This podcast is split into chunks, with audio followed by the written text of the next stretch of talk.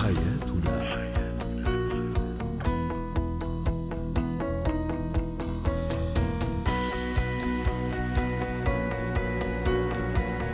نجدد التحية لكل مستمعينا ومستمعاتنا. أنتم تستمعون لبرنامج حياتنا برنامجكم اليومي الذي يأتيكم عبر إذاعة سكاي نيوز عربية في أبو ظبي ويعنى بشؤون الأسرة وباقي الشؤون الحياتية الأخرى.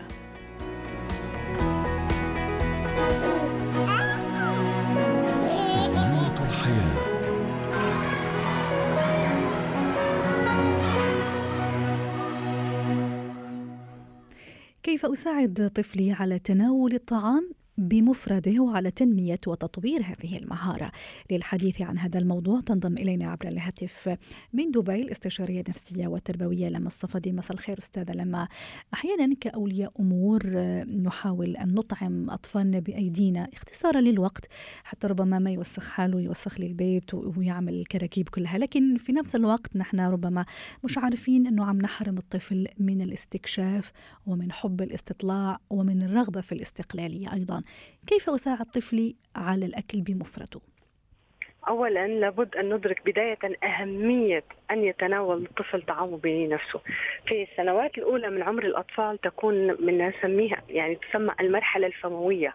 الإحساس يكون في الفم فبالتالي الإحساس يكون عالي عند الأطفال تحديدا بعد فترة الرضاعة والبدء بتناول الطعام.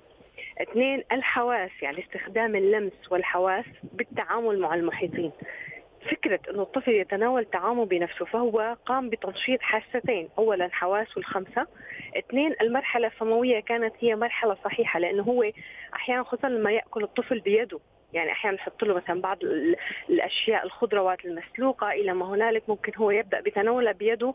جدا مهمة هاي الفكرة لتطور ما يسمى بالمرحلة الفموية. وهذه أحيانا تزعج الأمهات تقول لك عم يوسخ لي الدنيا كلها والطاولة والثياب الوسط نحن حاليا التطور وصل بأنه أصبح هناك مائدة للطعام للأطفال مريول خاص لتناول الطعام مصنوع من البلاستيك. فبالتالي يعني تطورت الأمور للحفاظ على النظافة. ولكن هي رسالتنا اليوم لكل أم لا تدركي مدى أهمية أن يتناول الطعام الطفل الطعام بمفرده. آه، تعزيز الثقة بالنفس القدرة على اتخاذ القرار هي أشياء بسيطة. يعني ممكن البعض يستهزئ بأنه خلص هو يعني هل سيتطور إذا تناول الطعام بنفسه؟ نعم سيتطور. يعني الفكرة بأنه نعم هي جدا أمور مفيدة لشخصية الطفل بشكل عام. نعم. جميل.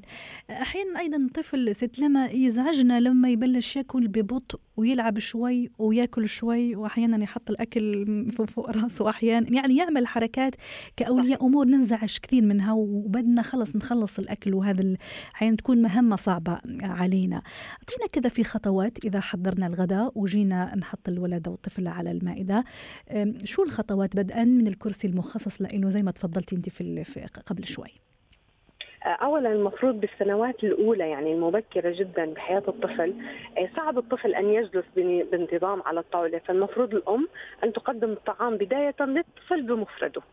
وثم ممكن أن يجلس إلى المائده يتسلى يلعب أنا أقصد يعني ربما الكرسي المخصص له آه. الكرسي الصغير اللي بنحطه الكرسي الصغير ولكن هو يعني كينونة الطفل. صعب أن يكون هو ملتزم أثناء المائدة لأنه بالنسبة آه. له الطعام يعني هو ممكن يكون مثل أي الأمور التي هي تصلح للعب فأفضل إنه يكون يقوم بهاي المهمة بعيدا على إنه هو يكون على مائدة الطعام.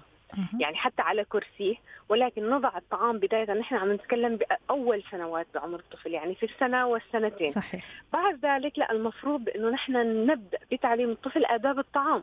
بأنه بعد يعني بعد عمر السنتين أو ثلاث سنوات لابد أن يكون الطفل أصبح لديه وعي بأن الطعام لا يرمى الطعام ليس للتسلية وأن يكون هناك وقت مخصص للطعام.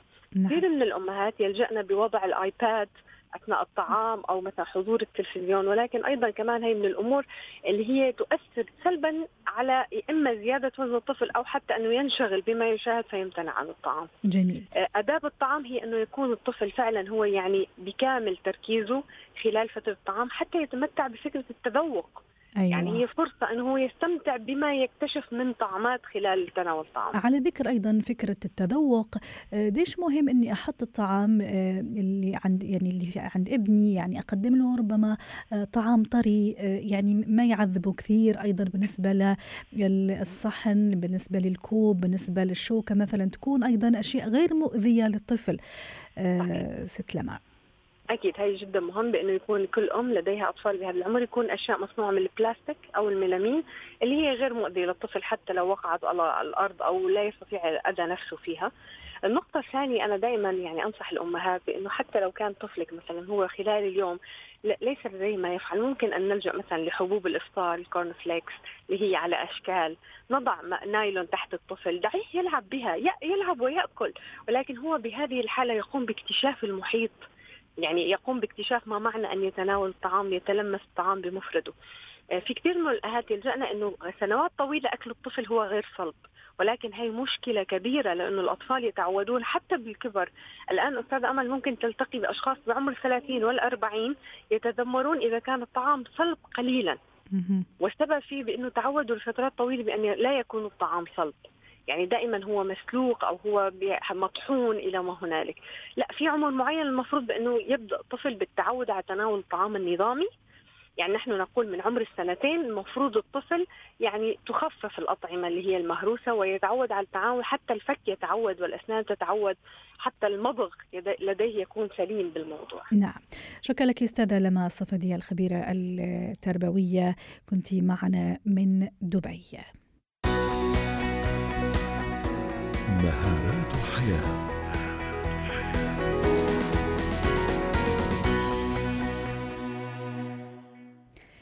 أهلا بكم من جديد. نتحدث في فقرة مهارات الحياة عن مهارة التخلص من الشعور بالغيرة تجاه نجاح الآخرين. للحديث عن هذا الموضوع ينضم إلينا من دبي محمد الطيب مدرب مهارات الحياة. يسعد مساك أستاذ محمد. قد أشعر بغيرة من نجاح صديق نجاح صديقة آه، أنه اشترى شيء ترقى في عمله. أول شيء هل هذا الشيء طبيعي؟ ولما يعني يخرج شوية عن عن نطاقه العادي كيف أتحكم فيه؟ جميل السؤال. أهلا وسهلا بكم. أهلا بيك بالاتصال. خلينا نتكلم عن الموضوع ده مهم جدا ونفرق الأول ما بين الحسد والغيرة. لأن الاثنين ممكن الواحد يختلط عليه الأمر. الحسد وهو إن أنا آه، أتمنى اخذ اللي عند الغير ويزول عنه. أما الغيرة هو إني أتمنى إن يكون عندي زي الغير. لأن لو اختلط علينا الإحساس فهتبقى في مشكلة. آه النقطة الثانية هل هو طبيعي إن إحنا نحس بالإحساس ده؟ أكيد طبيعي لو عندنا عدم أمان أو عندنا آه زي بيقولوا مانيش حاسس secure أو حاسس عدم ثقة بالنفس. أيوه. لأن بالتالي أنا مش قادر أعمل اللي عند الغير فأنا غيران منه. لكن لو أنا قادر يبقى هقدر إن أنا أعملها. هل من المهم أيضا أستاذ محمد إني أعترف بهذا الشعور إني فعلا أنا عم غار من فلان لأنه أحسن مني أو لأنه ناجح أو لأنه آه، عنده هذا الشيء. هل من المهم إني أعترف بهذا الشعور؟ اتليست بيني وبين نفسي يعني. آه أوكي. لو بيني وبين نفسي لو أنا قدرت إني آه أحط صباعي على المرض ده فبالتالي هقدر أصلحه. لكن في ناس شايفة إن لا أنا أستحق أفضل منه. لكن لو أنا كشخص كمحمد آه بدأت إن أنا أعرف آه أنا عليا إن أجتهد وأنا عارف إن ربنا سبحانه وتعالى عادل بيدي كل الناس حقها وممكن ده لسه ما جاش وقته وأنا محتاج أشتغل على نفسي علشان أوصل لده يبقى أنا كده بدأت في أول طرق العلاج. جميل. اذا هذه أول طرق العلاج. شو هي الخطوة الثانية؟ الخطوة الثانية إن أبدأ عموما ما قارنش نفسي بحد. لأن ما فيش حد في حالتي ما فيش حد في نفس آآ آآ وقتي بيعمل نفس الشيء ولا بنفس إمكانياتي كل واحد مختلف لا أقدر إن أنا أقارن لا بالنجاح ولا بالفشل مع حد. لأن في نفس الحالة أنا النهارده هلاقي عندي حاجات كويسة ونجاحات مش موجودة عند الغير. فلازم إن أنا أكون عامل حسابي على ده. آه هي أنا أنا بس عايز كمان أنقلها الشخص اللي بيقلق من غرور الآخرين عليه. يعمل إيه؟ يعني في أشخاص يقول لك الناس بتغار مني. لو مش عايز الناس بتغار منك افشل. ليه؟ لأن it's part of the game لو الواحد آه ما عرفش إن هو أول ما هينجح ناس هتعمل معاه بنفس الشكل ده أو هتبدأ تغير منه أو تحسده أو تتكلم عليه أو تضربه في ظهره يبقى بالتالي ما هوش عارف خطوات النجاح. خطوات النجاح من أولها كده هتلاقي الناس بتحقد عليك. فالطرف الآخر بقى كمان اللي بيحقد أو بي بي بيغل زي ما بيقولوا أو بي بيبقى عنده الغيرة آه في نفس الحالة لازم يعرف إن ربنا سبحانه وتعالى مع كل مجتهد اجتهد وهو هيدي لك نفس الشيء. أيوه جميل. يعني أبتعد عن محاولة تحديد ما هو عادل وما هو غير غير عادل يعني. صحيح. لأن أيوة. أنا كده بشكك في مين؟ أيوه. لو أنا النهارده بدأت أشكك في الآخر آه إن هو ده عادل أو مش عادل أنا كده بشكك في ربنا سبحانه وتعالى إن هو بيديني أو ما بيدينيش. فأنا أعرف إن ربنا سبحانه وتعالى بيدي كل حاجة في وقتها وبيدي لكل مجتهد نصيب وممكن يكون ده سبب إن يخليني يحفزني إني أشتغل على نفسي أكتر. في بعض الناس تعطي مبررات لنجاح الغير. بمعنى أنه حصل على ترقية لأنه كذا كذا لأنه متملق مثلا حصل على بيت حلو لأنه لا هو عائلته يعني already ثرية وغنية. هل هذا طبيعي ولا لا؟ هون أنا كمان بلشت أدخل في zone لازم أطلع منها. ده برضو دخلنا في موضوع مقارنتي مع الغير. أيوه. لأن الشخص ده عمره ما هيكون مرتاح ولا مبسوط. لأن دايما شايف إن الأشخاص اللي بيتغيروا وأنا أنا أنا أنا عايز أعيش مرتاح. عشان أعيش مرتاح لازم إن أنا أكون باصص على طريقي أنا مش طريق الغير وصل له إزاي. لأن ممكن يكون وصل له بطريقة غلط. طب هو لو وصل له بطريقة غلط أعمل الغلط ده على أساس إن أنا أبقى زيه؟ ولا أنا أمشي في طريقي صح وأنا عندي يقين إن ربنا سبحانه وتعالى هيكرمني؟ لأن رزقي لم يتغير نعم. طيب أستاذ محمد كذا في خطوات حتى كمان نقرب الموضوع. أنا عم غار منك أستاذ محمد لأنك أنت حصلت على ترقية معينة. في خطوات شو لازم أعمل حتى أتخلص من هذا الشعور؟ رقم واحد إني لازم أعرف آه زي ما كنا بنقول الأول م. أعرف إني آه أتأكد ويكون عندي يقين إن ربنا عادل. رقم اثنين إني ما اقارنش نفسي بحد. رقم ثلاثة إن أنا طول الوقت أشتغل على نفسي آه إني أتحسن لقدام. ولو أنا شفت نفسي وده وده وده رقم أربعة لو أنا شفت نفسي عندي الحتة دي أنا عايزها إن هي تقلب عندي الإحساس لدافع إني أتحسن علشان أكون أحسن من نفسي مش أحسن من حد لأن لو فضلت دايما بدور إن أنا أكون أحسن من اللي قدامي هفضل دايما في كومبيتيشن مع غيري وممكن يكون ظروفه غيري فأنا لازم أكون أحسن من حالي أنا وأعرف الخطوات اللي أمشي عليها. ومتى أعرف إنه هذا الشعور فعلا خطير وقد يشكل خطر علي أنا كأمال عم أشعر بهذا الشعور شعور الغيرة من النجاح وممكن أيضا يشكل خطر على الآخر اللي هو ناجح. ده ده ده سؤال مهم على فكرة لأن أنا هعرف إمتى أو إزاي إن هو مش شعور صحي بالنسبة لي لأن دايما مش هكون مبسوط. دايما أنا قاعد شايف حد بيجري أسرع مني أو بيتحسن أكتر مني وأنا كل همي كل تركيزي على آه هو ليه وصل لكده وأنا ليه ما عنديش وده بيسموها السيكا دي والفايند هتقعد تدور على آه هو أحسن مني وليه وما ليه ولكن أنا ما بدورش إزاي أنا اللي أتغير. وهو ده تغيير السؤال في دماغي. وده مهم جدا. بدل ما أشوف أو أسأل نفسي دي طريقة التفكير أسأل نفسي لماذا؟ إزاي الشخص الآخر؟ آه. أستبدل ربما آه لماذا؟ بكيف؟ بكيف.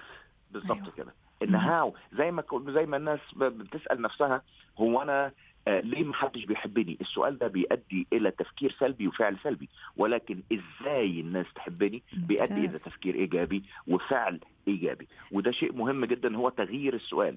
مش فلان. عنده ده ليه وأنا لأ ولكن أنا إزاي إن أنا أتحسن من A to B يعني لماذا محمد ناجح أستبدلها بكيف تنجح أمال مثلا؟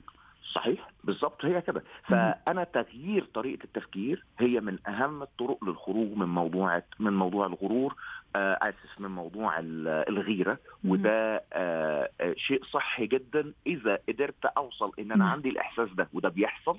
إن إزاي إن أنا أقدر أغيره؟ وده بيتغير عن طريق السؤال نعم. مع الأمور الأخرى اللي الخطوات الأخرى اللي شكرا لك أستاذ محمد الطيب. يا أهلا بيك مدير أو مدرب مدير إن شاء الله إن شاء الله تكون مدير مدرب مهارات الحياة ضيفنا من دبي. يعطيك العافية. ختام برنامج حياتنا. شكرا لكم وإلى اللقاء.